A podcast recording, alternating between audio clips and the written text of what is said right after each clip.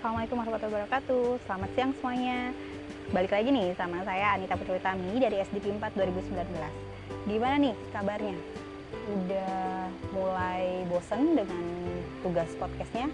Mudah-mudahan enggak ya Oh iya, buat sekarang kebetulan langit Jakarta udah mulai gelap banget Dan sebagian besar di kota Jakarta udah terguyur hujan Gimana di kota kalian? Oke, langsung aja ya. Podcast kali ini bercerita tentang tiga tema, yaitu yang pertama dari Zivana Leticia, Be the CEO of Your Own Time. Yang kedua ada Ernest Prakasa dengan Cognitive Flexibility. Dan yang ketiga ini tiga uh, untuk podcast pilihan. Kebetulan aku suka banget tadi agak menginspirasi sih dari Najwa Sihab, orang sukses yang mau belajar. Nah, langsung aja ya untuk podcast yang pertama dari Zivana Leticia jadi Zipana ini adalah seorang putri Indonesia tahun 2008 sekaligus seorang penulis buku. Time management itu apa sih? Jadi time management itu merupakan suatu tanggung jawab pada diri sendiri dalam mengatur prioritas. Gimana cara membaginya ya? Nah, wanita cantik ini menjelaskan untuk membaginya ada tiga empat ada empat bagian. Yang pertama adalah contract time, yang kedua ada commit time, yang ketiga ada necessary time, dan yang keempat ada free time. Bedanya adalah kalau kontrak time sendiri adalah waktu yang sudah dialokasikan dalam satu hari untuk setiap harinya. Misalnya, hari ini kita pasti berangkat kerja dari tempat A ke tempat B. Hari ini akan ada rapat dari poin A ke poin B. Lalu yang kedua ada committed time. Ini adalah komitmen time. Misalnya nganterin istri ke kantor, itu kan menjadi eh, komitmen dalam diri sendiri. Atau nganterin anak setiap hari ke sekolah. Itu adalah komitmen yang kita buat sendiri untuk agenda kita. Yang ketiga, ada necessary time, yaitu waktu yang diperlukan, misalnya buat tidur, buat makan, buat ke salon. Dan free time adalah waktu bebas yang kita tentukan sendiri. Mau ngapain sih kita hari ini? Nah, selanjutnya nih, kalau misalkan bicara tentang 24 jam, rasanya cepet banget ya. Tapi nggak ada juga yang ngerasa, uh, sorry, ada juga yang ngerasa kalau 24 jam itu lama banget. Apa sih yang ngebedain itu semua? Terus gimana ya cara memperbaiki itu semua? Zivana atau biasa yang diakap dipanggil ZZ ini menjelaskan bahwa alokasi waktu itu yang tepat adalah ada dua, ada clock time and real time. Jadi kalau clock time sendiri adalah waktu yang sesuai dengan jam dinding, waktu yang sudah ditegaskan dalam satu eh, peraturan. Kalau aku di sini menjelaskan seperti itu ya. Karena misalnya nih jam makan siang adalah jam 12 sampai jam 1. Tapi real time-nya waktu yang seharusnya bisa menjadi uh, yang dihabiskan untuk suatu aktivitas tersebut adalah makan siang tuh nggak harus satu jam tapi 15 menit juga bisa. Ke mana nih yang 45 menitnya? Nah di situ adalah peran gimana kita memprioritaskan suatu kegiatan. Jadi untuk setiap menyiasati waktu ini lebih produktif dengan skala prioritas. Skala prioritasnya sendiri itu dibagi dalam empat kuadran.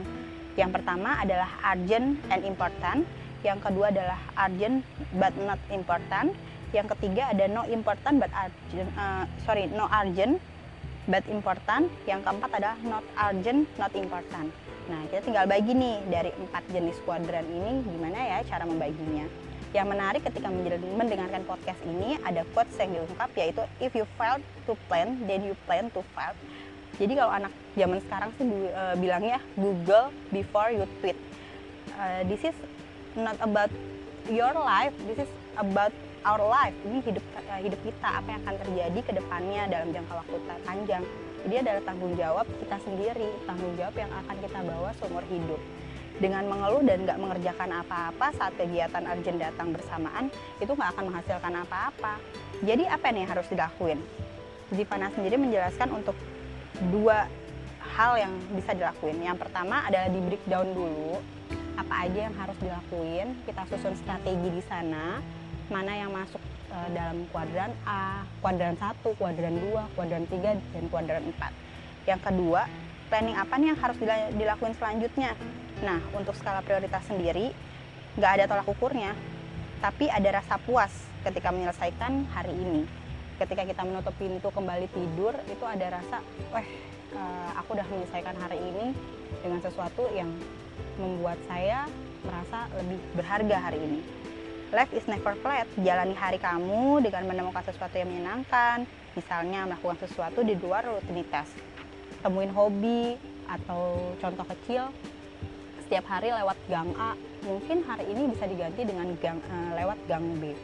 Win your day with I love doing what I doing. Jadi untuk melakukan hal yang produktif di waktu yang sempit adalah dengan manajemen waktu. To do list for today and tomorrow. Buat skala prioritas, kemudian di breakdown. Itu kuncinya.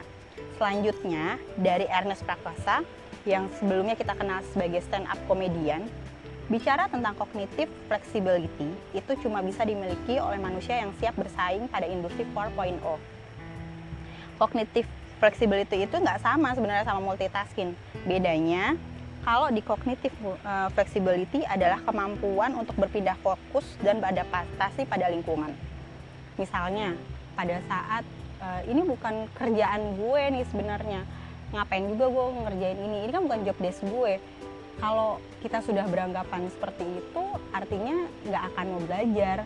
Nah, Ernest sendiri sudah menyotokkan dia ada awalnya adalah seorang penyiar, kemudian menjadi seorang penulis, lalu uh, dalam satu titik di mana dia saat bukunya ini mau diangkat menjadi sebuah film layar lebar, dia menulis sendiri uh, skenario nya, skripnya dia tulis sendiri, kemudian dikasih tantangan nih malah sama produsernya, gimana kalau sekalian jadi sutradaranya? Uh, Ernest menganggap ini semua adalah beasiswa yang bisa diambil dalam satu ketika, dalam satu waktu. Saya rasa itu juga bisa kita lakuin kok di dunia kerja. Banyak kan? Kenapa sih gue lagi gue lagi ngerjain?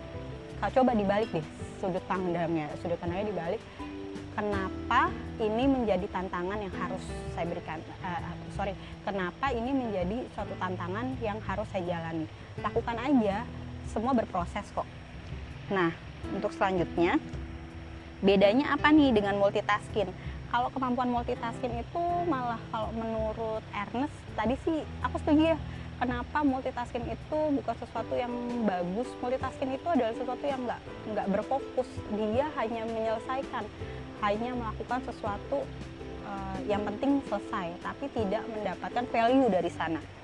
Nah untuk membaginya sendiri menjadi seorang kognitif flexibility yaitu dengan membagi waktu secara struktur kemudian melatih untuk taks yang beda-beda. Jadi itu ada proses kita belajar di sana. Gimana kita memanajemen waktu bagaimana kita bisa mengambil suatu keputusan yang tepat di saat yang cepat nah cuma kayak gini kadang-kadang nggak kita sadari hidup di era digital makin membuat kita fokus pada kemampuan kognitif itu buat nggak diganggu sama notis sosial media rasanya susah banget ya sih nah yang ketiga podcast pilihan aku ada jatuh pada Najwa Sihab Najwa Sihab sendiri ini bercerita tentang orang sukses dan orang yang mau belajar. Cukup singkat, jelas, dan padat apa yang disampaikan oleh Mbak Najwa ya.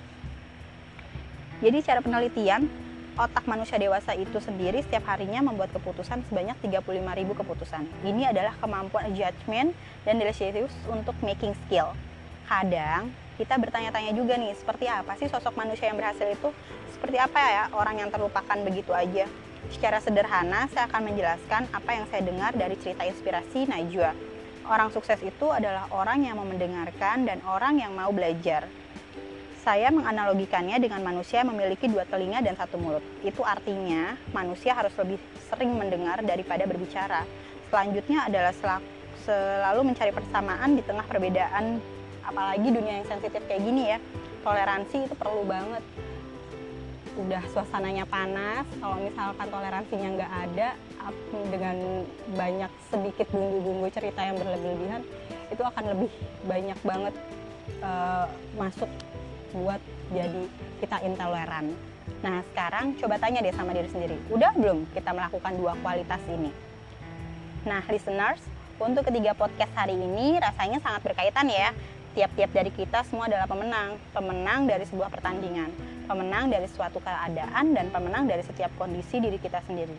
Jangan pernah menyerah menghadapi hidup. Lakukan hal yang menyenangkan agar hidup lebih tenang selamat beristirahat siang jangan lupa makan siang kemudian happy weekend juga karena besok nggak ada pot nggak ada podcast mudah-mudahan ya dan podcast podcastnya juga semoga nggak ada ya Bro Agung Oke, sampai jumpa lagi di lain kesempatan dengan saya Anita Purwotami, SDB 4 2009. Bye-bye, selamat sore semua.